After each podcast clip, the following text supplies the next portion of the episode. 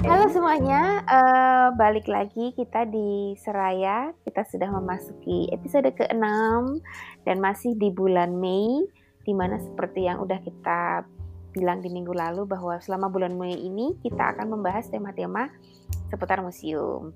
Dan aku nggak sendirian di sini, aku masih sama siapa nih di sini? Halo, ada Cindy di sini. Nah, ada Cindy dan kita punya tamu apa spesial. Uh, yeah. Tema eh atau topik yang bulan eh bulan ini episode ke-6 ini apa sih? Minggu ke-6 ini kita akan mengundang seseorang yang merupakan representasi dari museum itu sendiri. Oh, Dia gitu adalah ya? dutanya, Cie.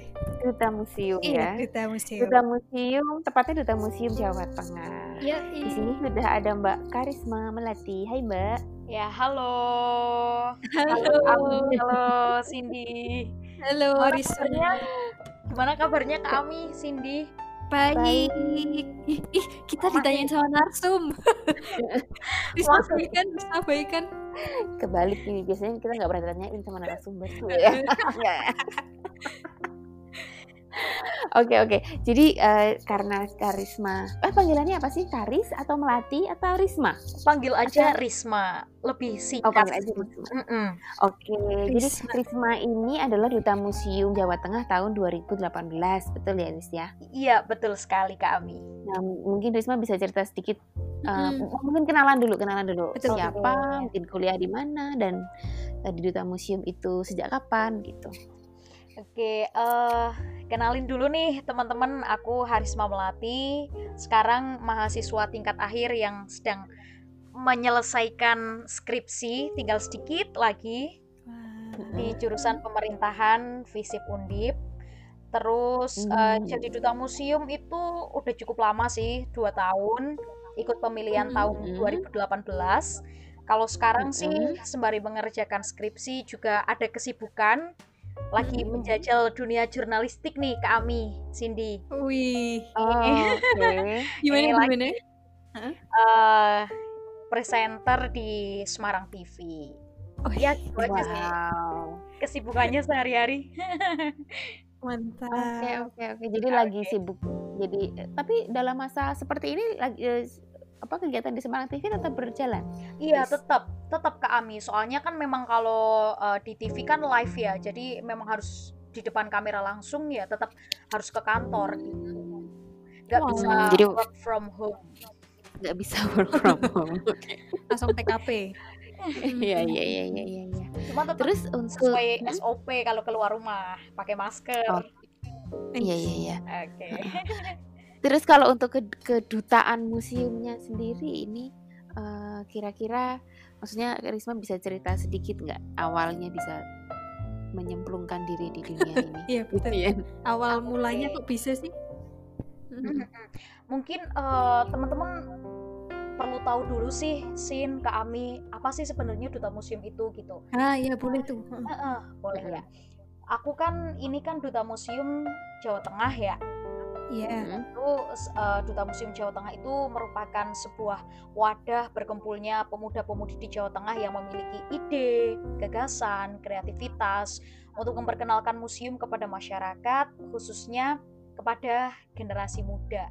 Supaya ya terus tertarik lah untuk datang ke museum, menjadikan museum sebagai sumber inspirasi, menjadikan museum itu sebagai uh, sarana pendidikan atau edukasi dan juga sebagai uh, sarana kesenangan atau rekreasi gitu. Nah, itu mungkin gambaran duta museum itu seperti itu gitu, memperkenalkan kepada masyarakat khususnya ke generasi muda. Kalau dari aku sendiri nih, kenapa sih kok aku tertarik uh, mengikuti duta museum gitu? Yang pertama pasti kompetisi lah Mm-hmm. Ini kan juga kayak uh, mengasah jiwa kompetisiku gitu. Yang kedua oh, jadi pengalaman. Suka suka ini ya, suka kompetisi ya. Oh, ya gitu. Walaupun, walaupun kalah nggak masalah, cuma ikut ya harus. Ya, keren keren. Oke. Okay. yang kedua pengalaman pasti karena kan uh, ini ketemu sama teman-teman dari beberapa kabupaten atau kota yang ada di Jawa Tengah, ada dari hmm. Tegal, ada dari Rembang, ada dari Pati, wow. ada dari Batang hmm. dan lain-lain yang itu se-Jawa Tengah gitu. Dapat pembelajaran oh kalau aku sendiri dari Temanggung. Oh jadi waktu itu mewakili Temanggung ya? Mewakili iya, uh, Kabupaten Temanggung. Oh. Kabupaten Temanggung. Terus pembelajaran terus, baru terus, pasti pengennya dapat pembelajaran baru karena kan jarang-jarang nih kita ketemu anak-anak muda dari berbagai kabupaten kota di Jawa Tengah buat bertukar pikiran, bertukar ide, gagasan gitu kan. Nah, yeah. dapat pembelajaran baru. Terus prestis okay. mana dengan yeah. mempunyai gelar sebagai duta itu pasti hmm. uh, sedikit banyak bisa apa ya memiliki daya tarik lah yang bisa di hmm. apa ya dijual ke masyarakat. Dijual dalam artian kalau misalnya uh, aku memperkenalkan museum itu sendiri itu tuh karena aku sebagai duta pasti pembaca atau orang-orang itu akan percaya gitu loh. Oh yang memperkenalkan duta gitu. Walaupun ya semuanya hmm, walaupun semuanya ya tetap uh, memiliki hak lah untuk apa namanya ya, uh, memperkenalkan museum lah pasti museum, gitu ya. kan. Nggak ya. cuma seorang duta semuanya lapisan masyarakat juga uh, berhak gitu untuk memperkenalkan museum. Tapi hmm. salah satunya juga itu sih gitu. Risma itu suka hmm. sama sejarah sama budaya berarti. Kenapa kok milihnya museum? Atau memang nah, kenapa nggak menjadi duta apa yang lain? Duta yang lain duta olahraga atau nih? Kalau nah ini ini yang uh, apa namanya baru mau aku jelasin yang selanjutnya sebenarnya oke okay, okay. aku tuh dulu waktu SMA kelas 3 itu tuh aku mm -hmm. sering diajak pelajaran sejarah yang pembelajarannya tuh di luar kelas gitu.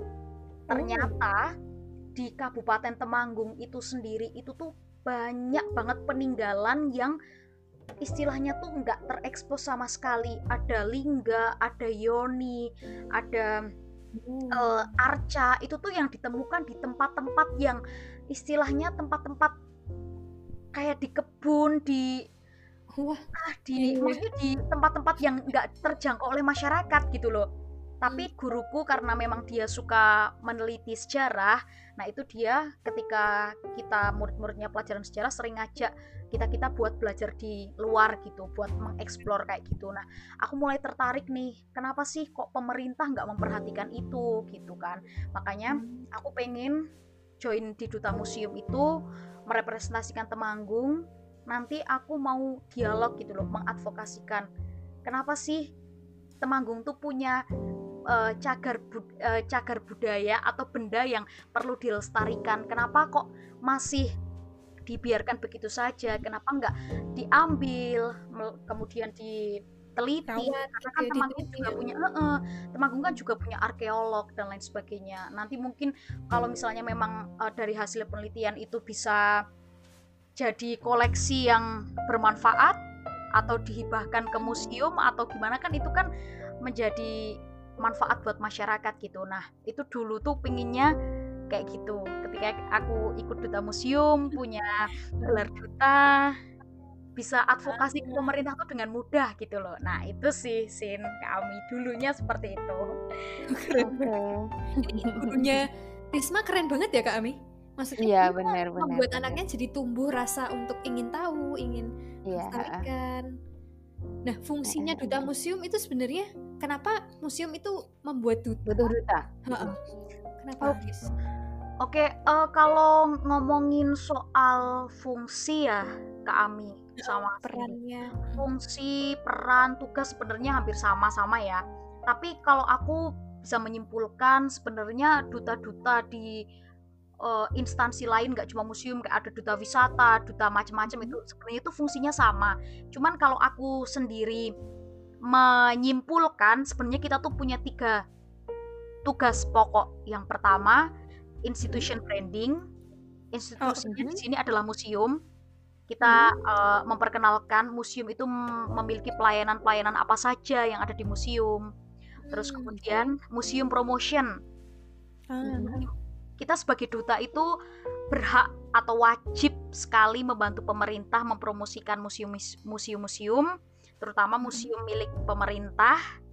Tidak jauh-jauh dari Jawa Tengah aja sih gitu pokoknya yang hmm. ada di Jawa Tengah apalagi sekarang kan udah mulai banyak tuh museum-museum yang terbengkalai yang udah kayak nggak terawat gitu pengelolaannya sumber udah nggak ada kayak uh, di Museum Sekolah Selawi, Museum Perjuangan Pangeran Diponegoro dan lain sebagainya. Nah, itu tugas duta itu mempromosikan museum-museum yang ada di Jawa Tengah. Terus kemudian public relation yang ketiga. Nah, itu uh, kerjasama sama duta-duta lain buat ngadain program kerja, terus juga sebagai guide kalau ada kunjungan ke museum, penyambutan tamu dari pejabat-pejabat museum dan lain sebagainya. Nah, itu fungsinya itu tadi ada institution branding, museum promotion sama public relation. Was. Ini Kari Risma itu sangat memahami tugasnya keren banget sih. Udah berapa lama? berarti sudah ah, aja. udah hampir dua tahun ya berarti ya. Harusnya mungkin iya, tahun ini ada pergantian atau pemilihan lagi ya, Riz? Atau belum ada?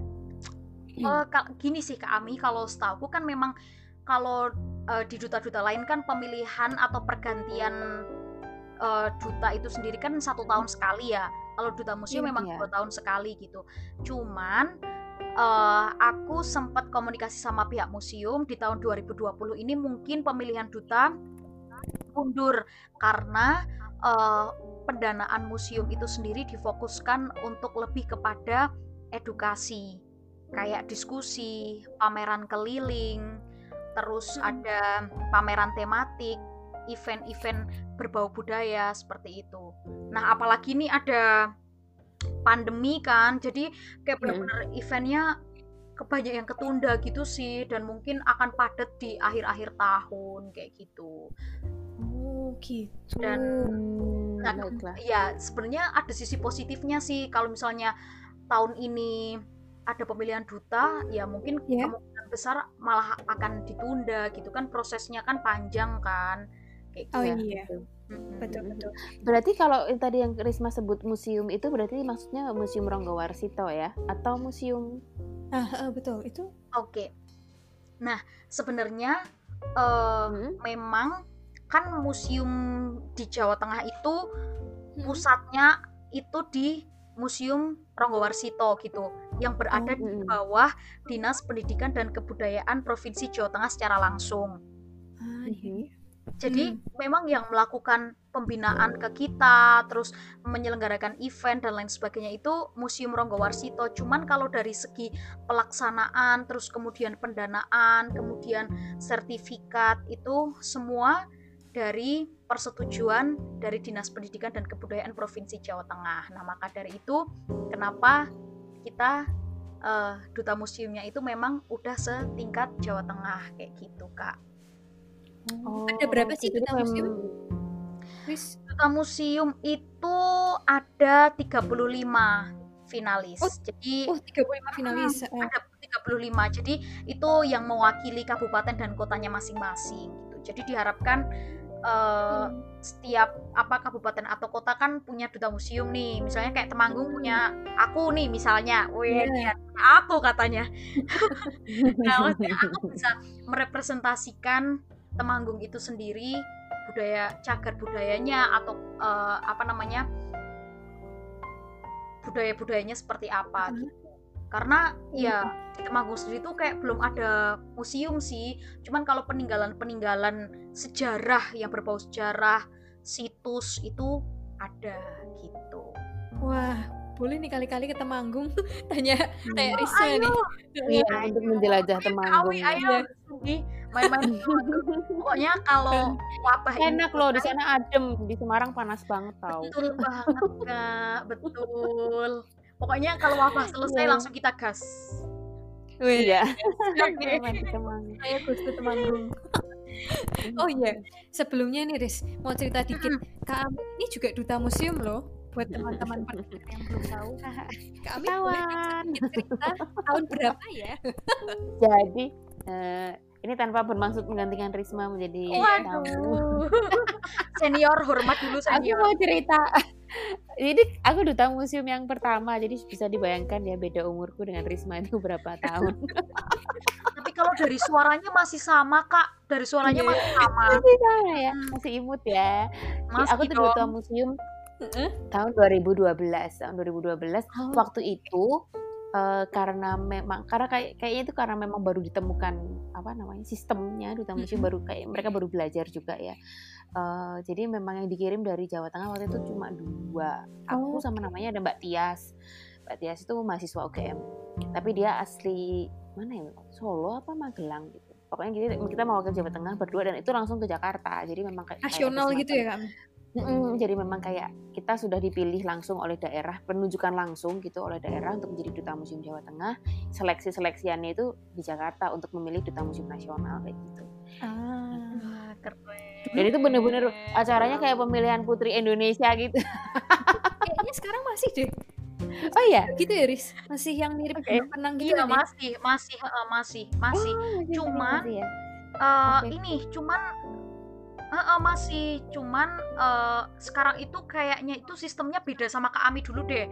Kalau dulu Kak Ami kan uh, tiap yeah. provinsi ada perwakilan gitu. Kalau sekarang tuh nggak ada kayak bener-bener hmm. uh, mewakili daerah-daerah sendiri gitu aja sih Kak. Hmm, lebih fokus oh, ke daerah-daerah nasional untuk oh. kita musim nasional. Uh, uh. Ah, nggak ada. Hmm Terus apalagi ya dulu itu? Oh, tapi dulu lucunya waktu zaman kuris karena itu mungkin baru yang pertama ya. Jadi maksudnya anak-anak muda belum banyak yang tertarik museum juga. Banyak kok perwakilan dari provinsi lain tuh udah bapak-bapak, mak-mak gitu. Lucu banget tau. Sekarang sekarang ada batasannya ya, Riz? Berapa sih? 30 sekarang berapa ya, ya kayaknya?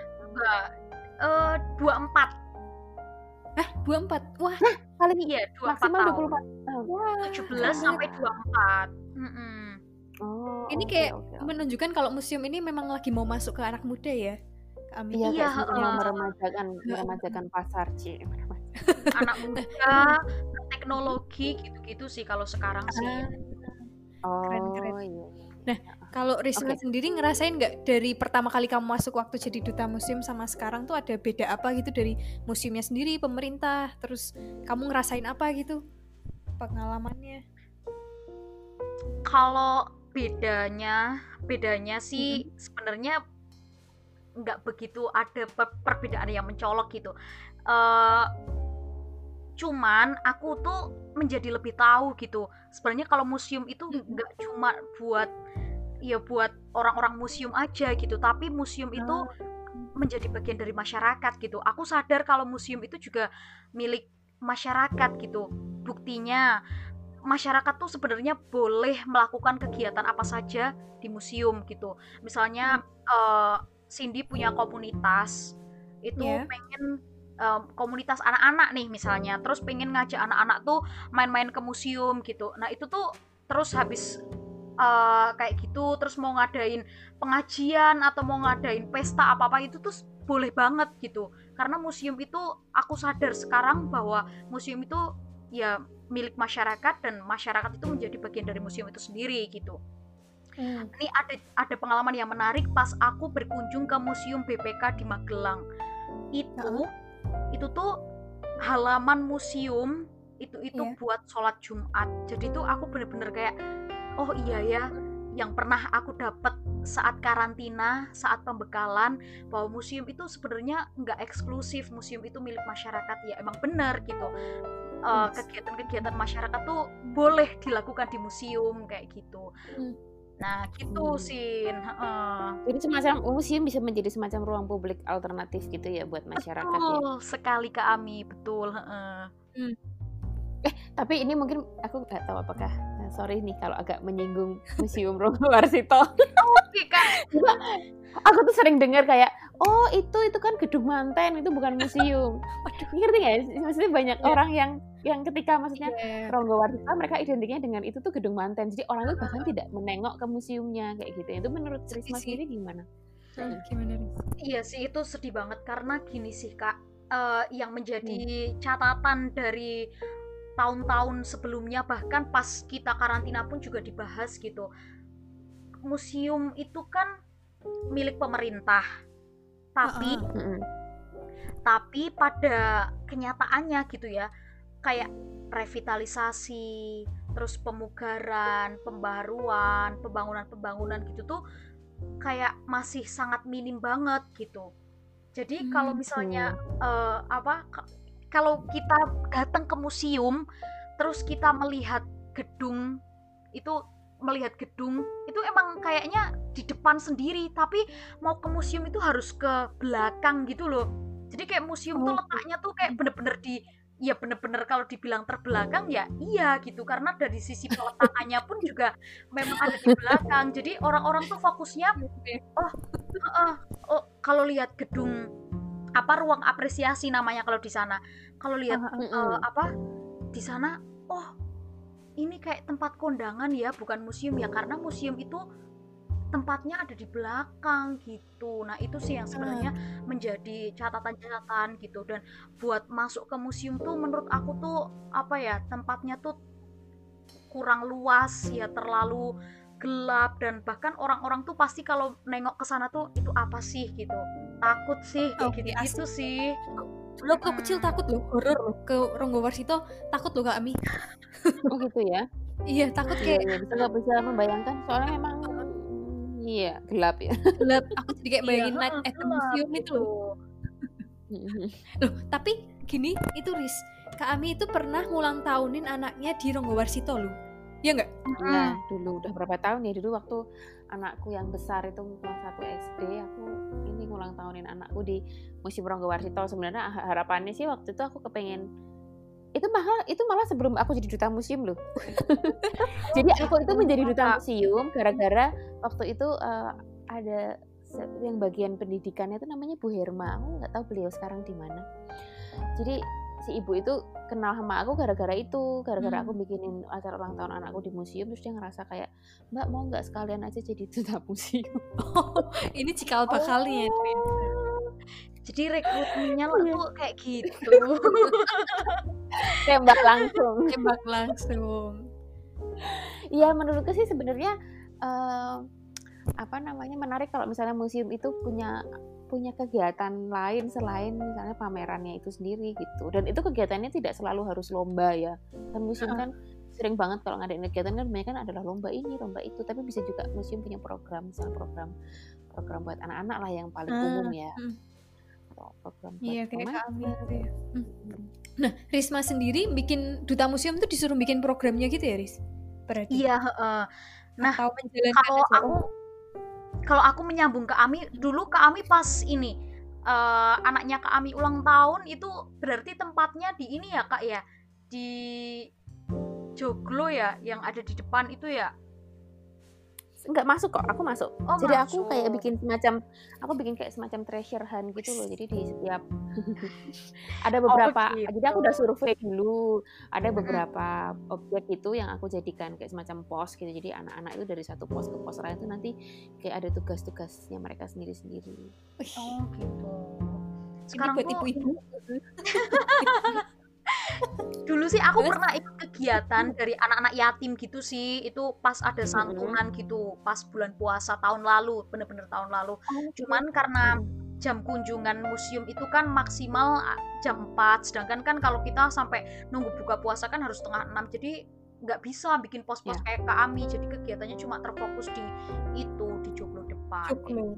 oh oh oke. Okay. uh, eh, sebenarnya tuh ya itu nanti bisa kita bahas di luar. Secara offline. Iya iya. Ya ini yang nanti malah jadi aku yang ngomong. Ini kita uh, mau wawancara wawancara iya. Oke. Ini soal pemerintah nih. Uh, uh, program untuk apa? Program kerja duta museum dan bagaimana visi apa? Program kerja itu bisa mewujudkan visi misi yang sudah dicanangkan pemerintah. Gitu ya sini ya. Oke, nah sebenarnya tuh gini, uh, apa namanya museum, uh, aku mau kasih apa ya kayak kasih gambaran dulu sih gitu.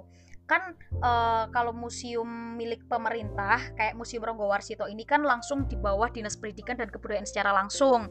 Okay. Yang setiap uh, apa kalau misalnya mau melakukan program kerja, sistem pendanaannya pun juga harus disetujui oleh Dinas Pendidikan dan Kebudayaan kayak gitu. Hmm Nah, hmm. tapi kalau secara nasional itu museum permusiuman ini di Indonesia itu mungkin ini uh, teman-teman yang dengar perlu tahu itu berada di bawah oh. Direktorat Perlindungan Kebudayaan, uh, Direktorat Jenderal Kebudayaan, Kementerian Pendidikan dan Kebudayaan. Jadi memang museum tuh nggak bisa dipisahkan jauh-jauh dari kata pendidikan gitu. Dari fungsi okay. pendidikan gitu. Hmm. Yang di dalamnya juga bertugas untuk uh, memelihara situs dan juga cagar budaya. Jadi Direktorat uh, Perlindungan Kebudayaan, Jenderal Kebudayaan itu juga sama kayak apa kayak kita gitu hmm. uh, apa namanya di dalamnya itu juga memiliki tugas untuk memelihara situs-situs dan juga cagar budaya. Nah mereka selama ini sudah melakukan uh, brainstorming atau pencerdasan itu lewat media sosial gitu. Oh. Nah kalau iya, nah kan uh, apa namanya kalau misalnya ngomongin soal museum kan kita kayak terbatas ke koleksi-koleksi museum yang kayak itu itu aja gitu kan. Padahal uh, kalau misalnya kita pelajari lebih lanjut gitu. Itu tuh uh, museum itu juga berperan untuk melakukan penelitian terhadap situs-situs yang baru ditemukan atau baru berkembang gitu berkembang di masyarakat. Misal kalau di Temanggung itu kan ada situs liangan namanya situs liangan tuh kalau misalnya digali terus itu tuh besarnya kayak secandi Borobudur gitu. Cuman kan karena sekarang kan ada pemukiman jadi penggalian itu kan masih masih terus dalam proses kayak gitu kan. Nah itu museum itu juga uh, berhak melakukan pengkajian dan juga penelitian terhadap situs yang berkembang di masyarakat kayak gitu. Nah terus kemudian hmm. Eh, nggak hmm. uh, cuma museum atau uh, situs aja gitu, yang dipelihara pemerintah juga ada cagar budaya kayak candi, hmm. relief-relief candi, terus ada uh, kayak gereja tua, ada masjid dan lain sebagainya yang itu juga uh, menjadi fokus edukasi atau diperkenalkan ke masyarakat itu sendiri. Jadi kayak nggak cuma koleksi-koleksi yang ada di dalam museum tapi juga uh, apa namanya Kegiatan. cagar budaya atau cagar budaya uh, yang di luar uh, ada gitu. Yang itu juga menjadi fokus pemerintah saat ini. Baik itu pemerintah di provinsi maupun di tingkat nasional. Dan melalui museum itu sendiri untuk melakukan pengkajian dan penelitian kayak gitu.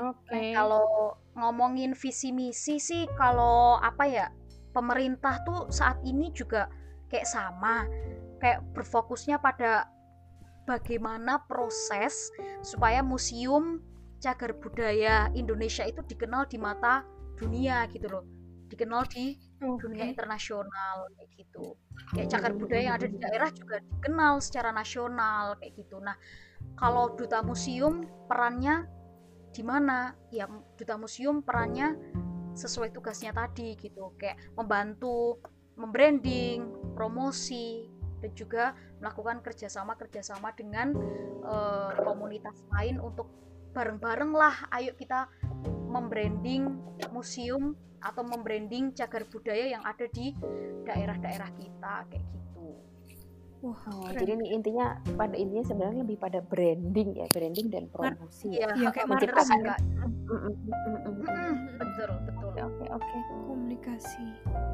Iya, iya, iya, iya. Selanjutnya Terus nih. Uh, apakah apa Risma punya pengalaman menarik dalam hal uh, apa namanya? kegiatan branding museum di tengah masyarakat mengingat mengingat apa namanya? Uh, masyarakat kita kan sebenarnya bukan masyarakat yang punya kultur untuk pergi ke museum ya dan melihat koleksi kayak gitu. Nah, apakah Warisma selama ini punya pengalaman menarik misalnya kayak di daerah kayak gitu mereka memang kurang berminat terhadap museum? Maksud saya daerah itu di luar Semarang ya. Kok ini banget sih Semarang sentris banget. Terus yang di luar Semarang tak sebut daerah, padahal Semarang itu juga daerah.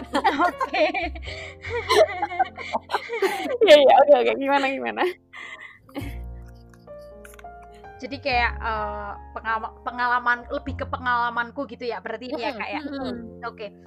nah uh, sebenarnya ya kak aku tuh juga gini mindset masyarakat di masyarakat itu tidak bisa dipungkiri kalau mereka itu masih menganggap bahwa museum itu adalah memiliki kesan yang angker gitu loh. Tempat kuno oh. angker kayak cuma uh, barang-barang yang zaman dulu yang pokoknya pas dia kecil tuh udah berkunjung aja ke museum gitu makanya kayak kalau udah seusia seusia kita kita nih yang uh, apa namanya 20 tahun ke atas gitu kayak ya ngapain ke museum kan aku dulu juga udah pernah ke museum dulu pas okay. aku ke museum tuh terkesannya kayak gini gini gini gini gitu kayak terkesannya angker hmm. gelap kayak gitu gitu kan makanya itu sih yang menjadi tantangan tersendiri sebenarnya kayak merubah merubah mindset masyarakat bahwa ya museum tuh nggak nggak melulu seperti itu gitu loh museum itu sebagai hmm. uh, bisa menjadi tempat rekreasi nggak cuma sebagai sarana edukasi untuk belajar mendukung pelajaran sejarah aja tapi juga bisa sebagai sarana uh, refreshing kayak gitu. Ya kayak main foto-foto ini spot-spot instagramable yang sering apa namanya dicari sama anak muda kayak gitu-gitu. Nah itu sih sebenarnya tantangan. Nah cuman dari pemerintah pun juga kurang sih uh, kurang. Kurang dalam artian hmm. dari segi apa ya kayak dari segi uh, prioritas itu ma pasti masih menjadi prioritas yang terakhir gitu loh apalagi okay. berkaitan dengan pendanaan suatu program museum gitu contohnya nih hmm. jadi uh, aku tuh pernah ketemu sama Pak Syafei itu adalah orang dari Direktorat Jenderal Pendidikan gitu nah itu hmm. kan dia lagi ada uh, apa namanya museum Gustu Kampus gitu di FIB Undip nah dia tuh cerita bahwa pada realitanya tuh uh, apa program-program museum itu pasti selalu menjadi program-program paling terakhir. Jadi kalau bisa dibilang dapat pendanaan ya kayak pendanaan sisa kayak gitu. Jadi kayak oh. bener-bener sisa-sisa pendanaan dari program-program pendidikan yang lain itu tuh baru nanti terakhir-terakhirnya tuh untuk museum kayak gitu. Okay. Nah makanya kayak dari situ pun juga uh, museum-museum milik pemerintah kan memang susah berkembang kayak gitu kan apalagi mau uh, revitalisasi hmm. jadi lebih modern atau jadi uh, tempatnya lebih menarik instagramable makanya kayak jadi susah gitu sayang banget ya ini jadi oh. istilahnya kayak uh, yang menghambat kamu nggak sih Riz dan teman-teman duta museum atau bagaimana kendala kalian saat menjadi jembatan untuk masyarakat dan pemerintah itu? Uh, itu sih pertama iya uh, uh, apa namanya pertama itu menjadi hambatan buat kita gitu jadi uh, cuman cuman di sini kalau misalnya memang dari duta museum itu pengen menyelenggarakan program museum hmm. itu museum karena di sini kan yang apa namanya pusatnya museum Jawa Tengah kan museum Ronggo Warsito kalau misalnya yeah. kita konsultasi uh, pengen minta bantuan lah gitu itu untuk menyelenggarakan program dari museum siap membantu Ah, tetap cepat tanggap lah ya. Heeh, cepat. Iya, iya. Kadang-kadang memang memang karena ya mungkin karena permasalahan yang disebutkan Risma tadi sehingga mereka tuh banyak butuh darah, wih, darah muda. Iya, iya, iya. Saya Pokoknya paling enggak, paling enggak kegiatan-kegiatan museumnya itu bisa lebih kreatif, bisa lebih relevan ya, dengan zaman tadi. Uh, iya bener sih kak. Iya, iya. kreativitas oh, dan relevansi itu kayak bener-bener harus diiniin sih gitu. Ini terkait yang tadi Risma sempat nyeletuk ya kak tentang museum pemerintah dan museum swasta. Nah bagaimana kita museum menghadapi persoalan itu Riz. Kan ini banyak museum baru nih museum swasta terus museum galeri lah yang seni yang kelihatannya Risma juga habis ngepost ya habis main ke sana. Bandingan dengan museum pemerintah yang koleksinya kebanyakan benda sejarah terus kamu bilang tadi kayak anak-anak itu mindsetnya ah kuno nih. Gitu gimana sih menurut kalian? Oke, sebenarnya gini, museum swasta itu ada yang bisa dibilang uh, masuk ke dalam kategori museum, tapi ada juga yang mohon maaf nih kalau misalnya uh, kategori museum itu kan memiliki visi dan misi, memiliki koleksi, terus uh, ada bangunannya, ada sumber daya manusia yang mengelola di dalamnya, ada sumber dananya, terus uh, ada koleksinya yang paling penting sih di situ. Hmm. Cuman mohon maaf kalau misalnya uh, apa namanya museum swasta yang aku sebut di sini itu adalah kayak galeri gitu. Misalnya 3D art kayak gitu kan. Ketika kita datang ke sana kan kalau spot foto-fotonya emang menarik gitu. Cuman di sana kan nggak ada koleksinya kayak gitu. Tapi Okay. Dia itu menggunakan nama museum sebagai embel-embel biar orang tuh mau datang kayak gitu. Nah itu sih yang menjadi uh, apa namanya salah pemahaman atau persepsi gitu. Padahal yang disebut sebagai museum itu ya itu tadi ada koleksinya gitu. Nggak cuman nggak cuman tempat buat kita foto-foto doang gitu tapi emang benar-benar ada koleksi baik itu entah seni temporer atau kontemporer atau yang memang berbau tadi kayak uh, benda-benda prasejarah, benda-benda sejarah kayak gitu.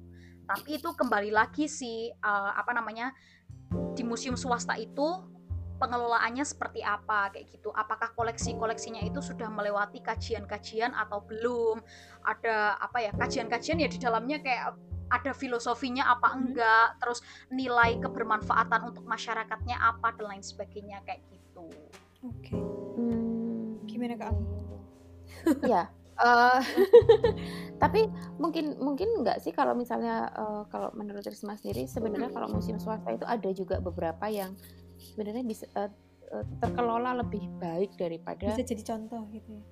Daripada museum museum pemerintah misalnya dari segi ininya apa cara memajang koleksi gitu yang yang lebih menarik daripada museum-museum pemerintah kayak gitu. Ada nggak Risma pernah menemui kasus seperti itu juga? Nah ini aku tuh malah ke ini sih kak ke itu tadi yang mungkin Cindy udah lihat ya di postinganku ya tahun lalu tuh aku main ke Tumurun Privat Museum kayak gitu nah di Tumurun hmm. itu kan uh, memang milik swasta karena ya emang itu perorangan gitu yang punya nah di situ itu koleksinya itu bener-bener dari uh, koleksi kontemporer yang sudah pernah dipamerkan di Art Jog hmm. Art Jog Exhibition gitu.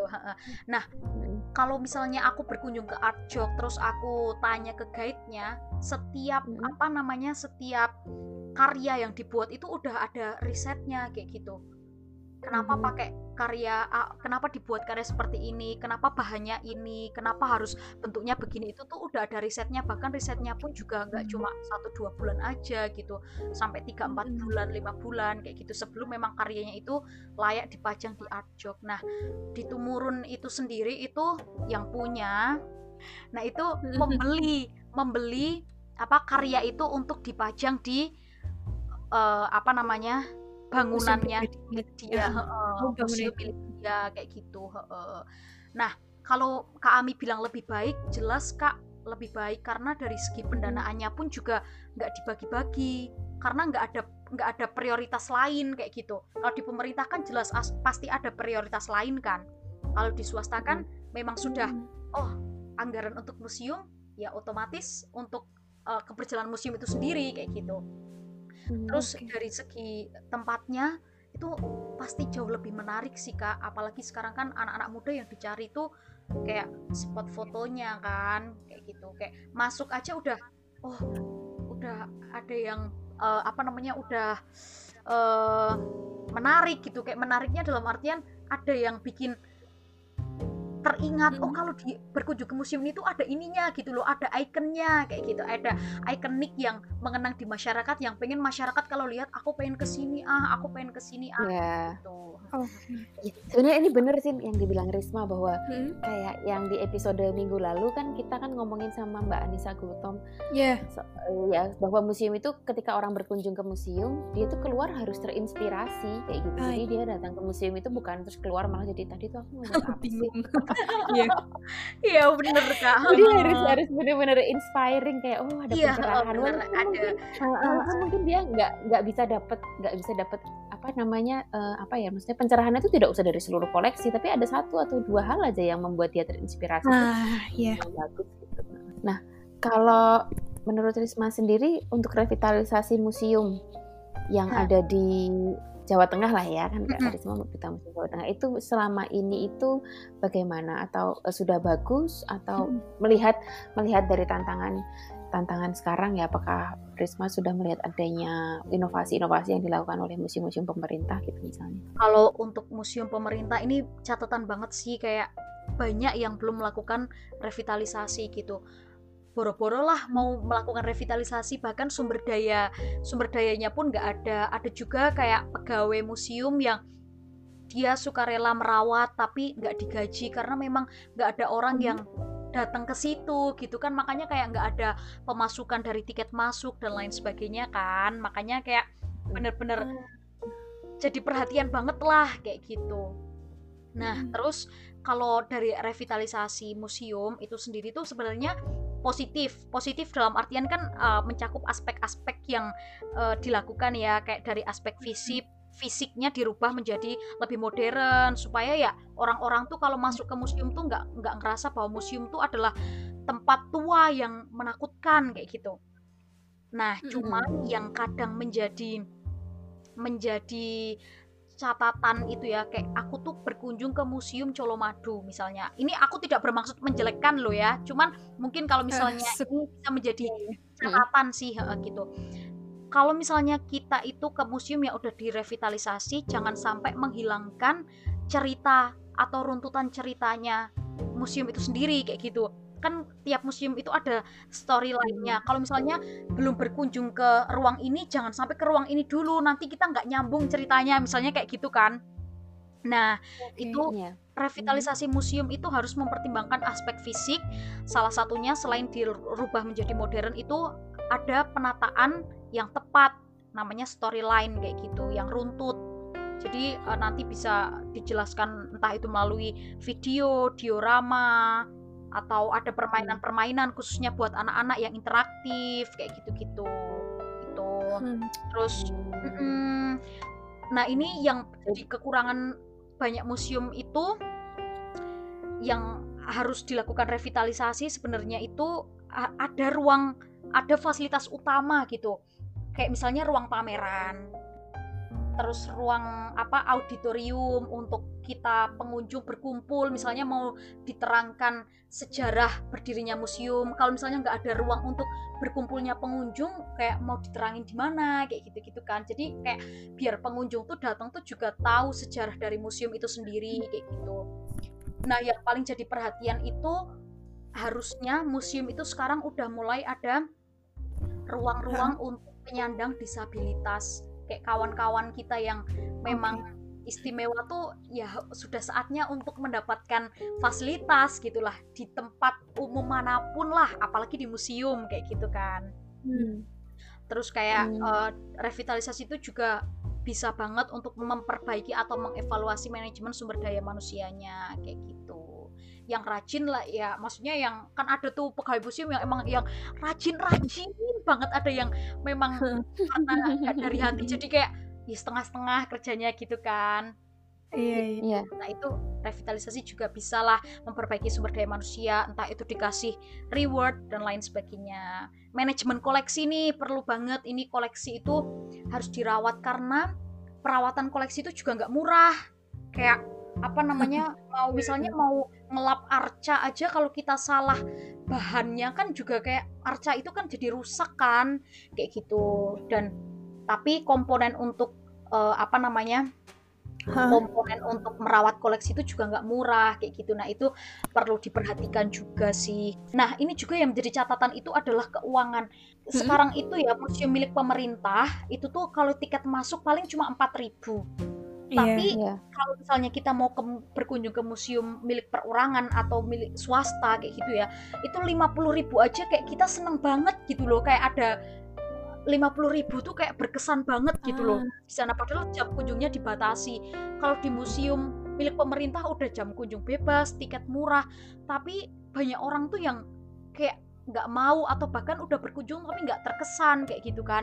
Nah itu kan perlu menjadi oh, catatan yeah. perbaikan kayak gitu perbaikan fasilitas lain yeah. sebagainya gitu kan. Ada mm. perlu adanya lah marketing gitu. Nah itu tugasnya duta museum sih kayak gitu kan yeah. mempromosikan gimana biar orang-orang tuh tertarik buat datang ke museum kayak gitu. Museum tuh ada apa sih? Apa sih yang bikin aku uh, jadi penasaran buat datang ke museum kayak gitu.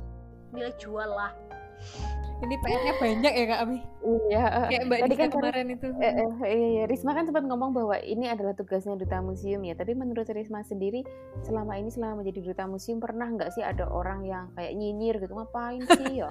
Betul. Kamu tuh ngapain Paris jadi duta kok duta museum apa apa asiknya gitu misalnya ke museum gitu. Pernah nggak misalnya menghadapi? Kalau aku sih ngadepin orang yang nyinyir gitu tuh aku sering uh, gimana ya kak ya? Gimana ya sin? Kalau aku ngadepin orang yang nyinyir kayak gitu aku anggap guyon aja sih gitu.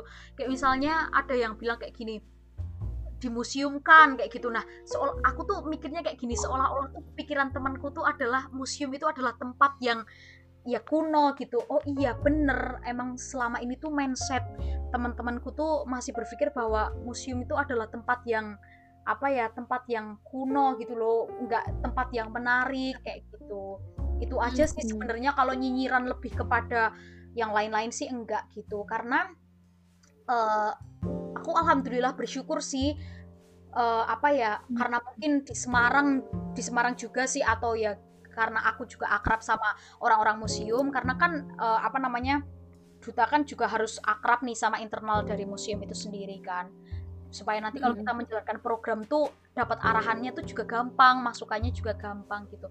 Nah setiap museum punya acara itu pasti diundang gitu loh suruh datang entah itu nanti di sana bantu apa entah jadi moderator diskusi atau apa gitu. Nah aku tuh sedikit banyak dilibatkan di situ gitu kan. Makanya ketika aku uh, apa namanya misalnya upload foto di Instagram gitu kan aku tuh nggak pernah dapet yang kayak kami bilang nyinyiran tuh enggak tapi orang tuh lihat bahwa museum tuh ada sisi positifnya ada uh, hmm. eventnya. Nggak cuma tempat buat nyimpen barang-barang kuno aja tapi juga ada eventnya ada diskusi-diskusinya ada apa audiensnya juga yang datang dan lain sebagainya kayak gitu sih. Jadi kayak kita sebagai duta juga harus pintar juga sih merepresentasikan itu sendiri gitu. Iya iya benar benar benar iya keren keren. Tapi ya apa ya berarti selama ini boleh dikatakan pandangannya masih apa lebih banyak positifnya daripada nyinyirannya. Istilahnya bagi yang nyinyir itu karena mereka nggak tahu gitulah ya Riz. iya sih dan ya udah sih yang nyinyir dianggap aja untuk motivasi sih Sin. Iya betul betul. Tapi ada nggak yang, yang apa ya, yang buat kamu suka banget? Sama ada nggak sih yang duka banget? Kayak titik paling happy-nya di mana? Sama paling susahnya di mana gitu selama jadi duta untuk museum? Hmm, Oke, okay. jadi tantangan tersulit pas aku jadi museum ini itu saat aku harus jadi guide karena jadi guide itu ternyata nggak gampang sama sekali nggak gampang. Okay. Gimana?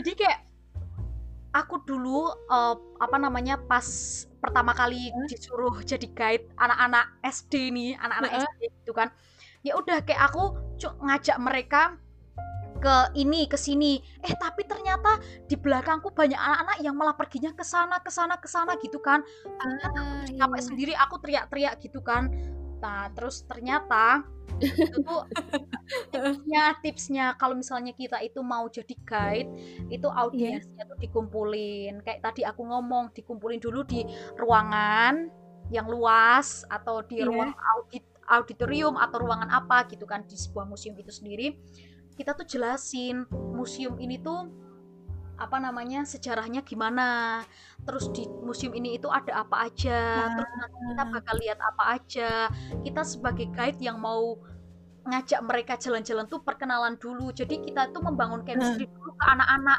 baru oh, kita iya, iya. jalan kayak gitu briefing briefing awal ya istilahnya iya ada iya. briefingnya iya. kalau aku dulu karena nggak tahu ya kayak langsung aja gitu.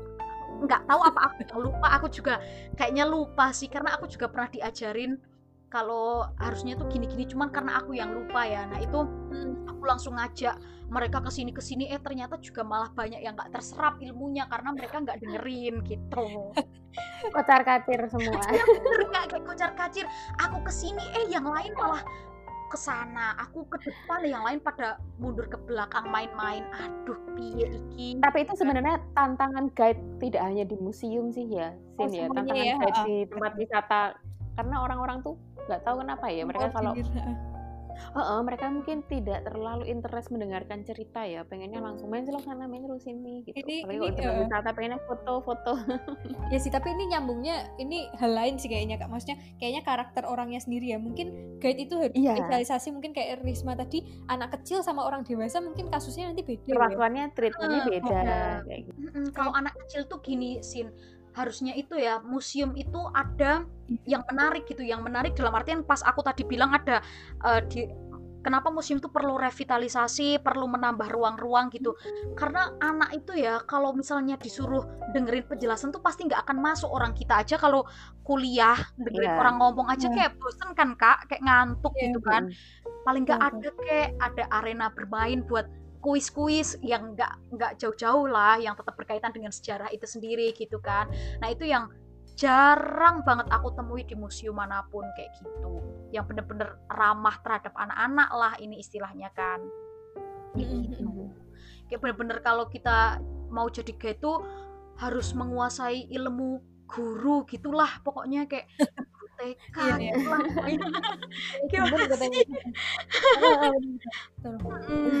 kalau sukanya sih pasti relasi bisa ketemu sama orang-orang kan orang-orang baru. Dari apa namanya dari museum nasional juga pernah ketemu dari direktorat kebudayaan juga pernah ketemu. Terus followers sih followers juga rada meningkat sih awal-awal. Wes, deh yang di, dijelaskan oleh Risma ini kan representasi museum yang mana ini keren ya Kak Mi. Maksudnya nggak banyak orang yang apa ya hmm. anak muda yang mau untuk jadi representasi museum karena takut diomongin kuno lah. Tadi kayak Risma bilang di museum kan. Kan ya ya, ya gitulah. Istilahnya sensitif ya di zaman sekarang. Nah kalau komunitasnya sendiri Ris komunitasnya gimana Ris banyak nggak? Atau aku tuh jarang denger ya Kak Mi? Maksudnya komunitas paling taunya komunitas pencinta museum. Apakah oh. ada komunitas-komunitas yang selama ini sama duta museum kerjasama gitu? Ada namanya Bala Museum. Nah, Bala, Bala Museum, Museum itu mm -mm, Bala Museum nanti bisa dicek di Instagram. Bala Museum itu itu tuh selalu ngajak duta museum untuk berkolaborasi entah itu meramaikan acaranya entah itu nanti kalau duta museum mau uh, apa namanya punya acara nanti collab sama bala museum. Karena kalau bala museum uh itu udah punya segmen pasaran sendiri gitu karena pesertanya okay. itu kan uh, banyak apa ya anggota komunitas kan ya kayak banyak anak-anak kuliah kayak volunteer-volunteer gitu loh sin. Hmm. jadi kayak bener-bener orang-orang yang mau belajar soal museum kayak gitu nah itu komunitasnya bala museum bahkan bala museum itu uh, sering banget ngadain kegiatan di museum entah itu hmm. bedah buku diskusi ada juga komunitas Dejavato itu yang apa oh iya, iya. dari luar negeri dari luar negeri yang memang tertarik belajar budaya dan juga museum kayak gitu nah itu oh. sebenarnya adalah partner apa namanya kerjasama kita untuk sama-sama membranding museum kayak gitu Oke. Okay. Kalau dari segi komunitasnya Bala hmm. Museum. Itu di Jawa Tengah ya? iya, di Jawa Tengah anggotanya juga mahasiswa-mahasiswa kok kak masih mm-hmm. aktif kuliah kayak gitu. Oh. Ini langsung aku buka Instagramnya. Iya. boleh, boleh, boleh, keren, keren. Selain itu ada lagi nggak komunitas lain selain Bala Museum gitu yang duta museum juga tahu atau mereka yang independen buat lingkup komunitas sendiri gitu? yang Oke, kalau kalau uh, kalau selama ini kalau komunitas kita masih uh, apa namanya masih ke bala museum aja kayak gitu kan. Uh. Cuman kalau yang apa namanya ada juga kayak dari antar duta museum. Jadi kan uh, duta museum Jogja itu pernah ke duta museum kita untuk sharing, belajar uh, okay. Dan mereka datangnya pas ada pagelaran wayang di Museum Ronggowarsito kayak gitu. Jadi jalin hmm. kerjasamanya public relationnya ya di situ kayak gitu silaturahim antar duta museum Jawa Tengah dan DIY pernah juga oh. kami juga diundang di event duta museumnya Museum Ulun Sentalu kayak gitu tapi kan nggak hmm. semua orang datang gitu kan kita kan ada yeah. perwakilan yang di Jogja nah duta museum Jawa Tengah yang di Jogja yang datang ke uh, eventnya duta museum Ulun Sentalu kayak gitu hmm jadi bisa untuk tukar pengalaman, tukar ilmu kayak gitu ya. Iya, uh, bisa saling berbagi inspirasi. Betul Kak, tapi ada juga kayak itu yang tadi aku pernah cerita, pernah ada uh, ini apa anak yatim, yatim pena itu mengajak uh, apa kerjasama kita. Jadi uh, yeah. sebelum ada santunan mereka mengajak kita selaku duta museum untuk mengajak adik-adiknya jalan-jalan ke museum jadi kita sebagai tour guide gitu jadi kayak okay. sebelum ada kegiatan ada sesi sama duta museum di mana uh, apa namanya jalan-jalan keliling museumnya itu dipandu sama kakak-kakak duta museum itu.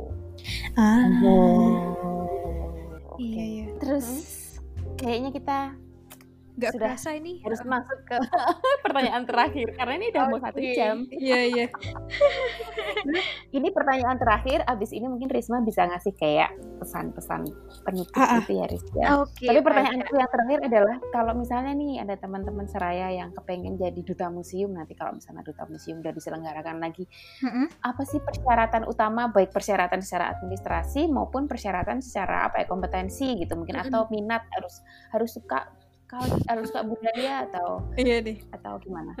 harus pede atau apa? kalau persyaratan kalau eh, apa namanya duta museum itu kayak nggak memperhatikan physically jadi kayak nggak harus nggak harus yang tinggi cantik kayak gitu itu enggak tapi kayak Oke. bener-bener lebih memperhatikan ke kemampuan kayak gitu ide Wah, gagasan iya. atau program-program dari duta museum itu apa yang akan dijalankan kayak gitu kalau kayak duta museum kemarin kan punya ide untuk museum Gusto School kalau uh, aku sekarang lagi potret museum lagi pengen uh, udah terlaksana sih potret museum itu Ha-ha. tuh pengen memperkenalkan museum-museum yang bener-bener nggak disentuh sama sekali kayak museum sekolah Oke. Selawi, museum Jenderal Sudirman, museum Bumi Putra. Nah kita tuh pengen menyorot bahwa di Jawa Tengah tuh masih ada museum-museum itu yang belum yang kurang begitu diperhatikan kayak gitu. Hmm. Nah, itu kalau kita sekarang itu programnya lebih ke potret museum. Jadi kayak bener-bener syaratnya itu ya yang penting konsisten,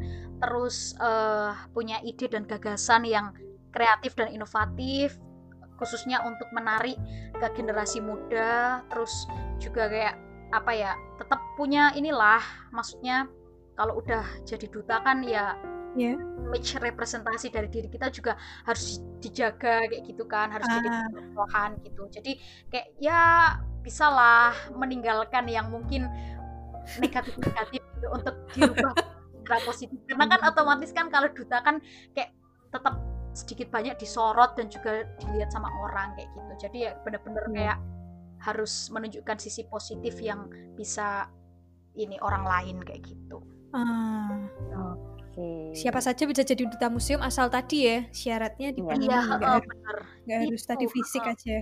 Iya bener Keren bener banget. sih Risma Terus? ini selain duta museum Jateng juga itu loh kak, duta anti narkoba, duta apalagi Udah, Ris? udah lama, udah lama. Oh, duta anti narkoba udah lama ya? Udah, Hmm, udah terus- 2015 waktu aku SMA.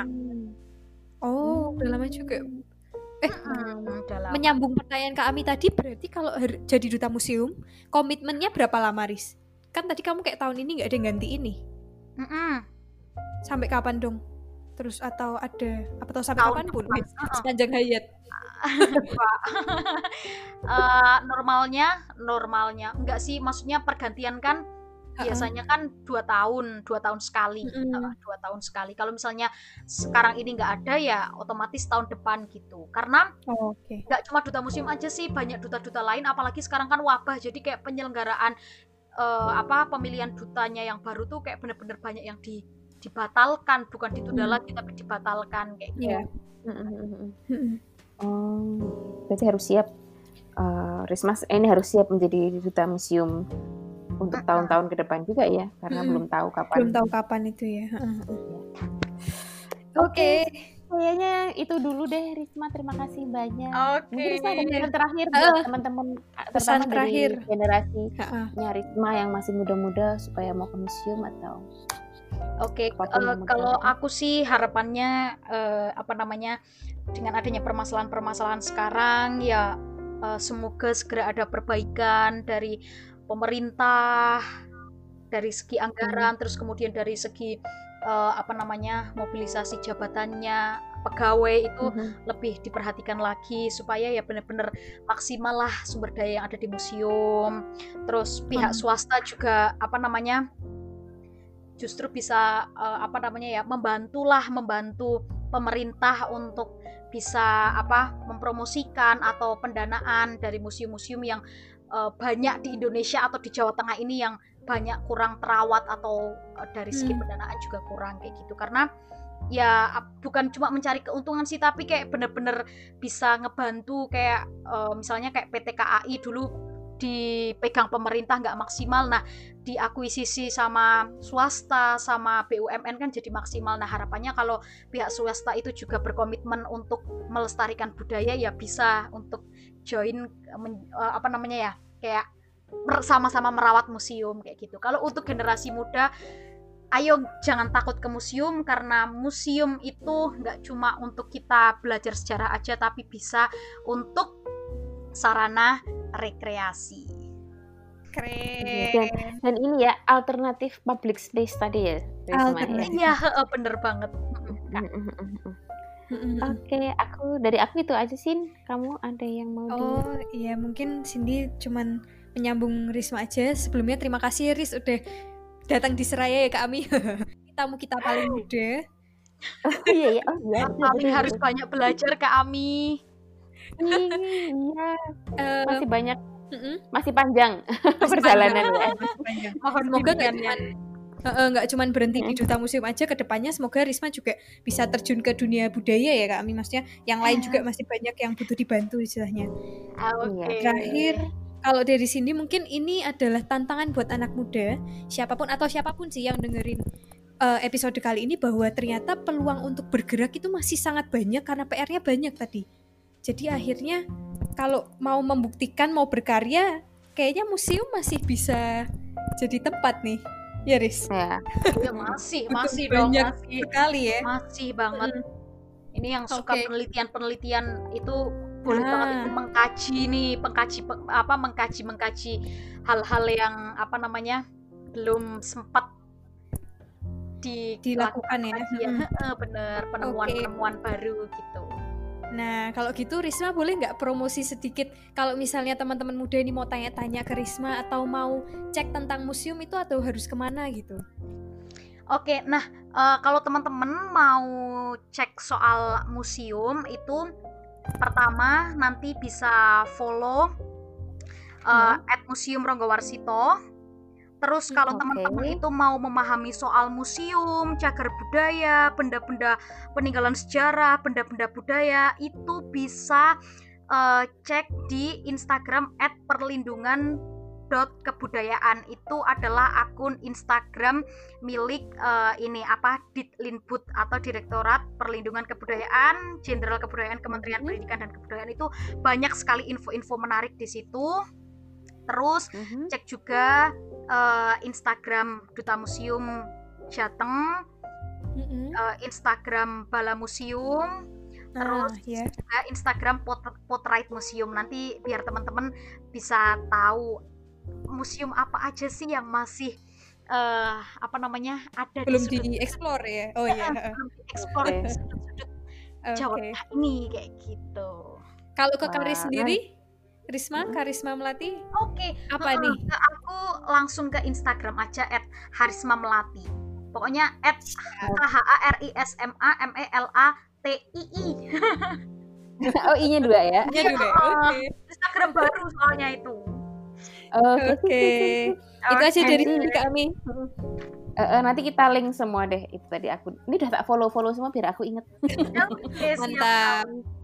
Iya. Terima ya, kasih. udah. Itu dia teman-teman episode bersama Duta Museum. Risma. Mm -hmm. Jangan lupa follow Seraya ya. Iya di ya, follow Seraya kita pasti selalu. Mm -hmm. Ya, Oke kalau yeah. gitu sampai jumpa di episode selanjutnya. Terima kasih semuanya. Bye bye. Oke, okay, bye bye. Bye.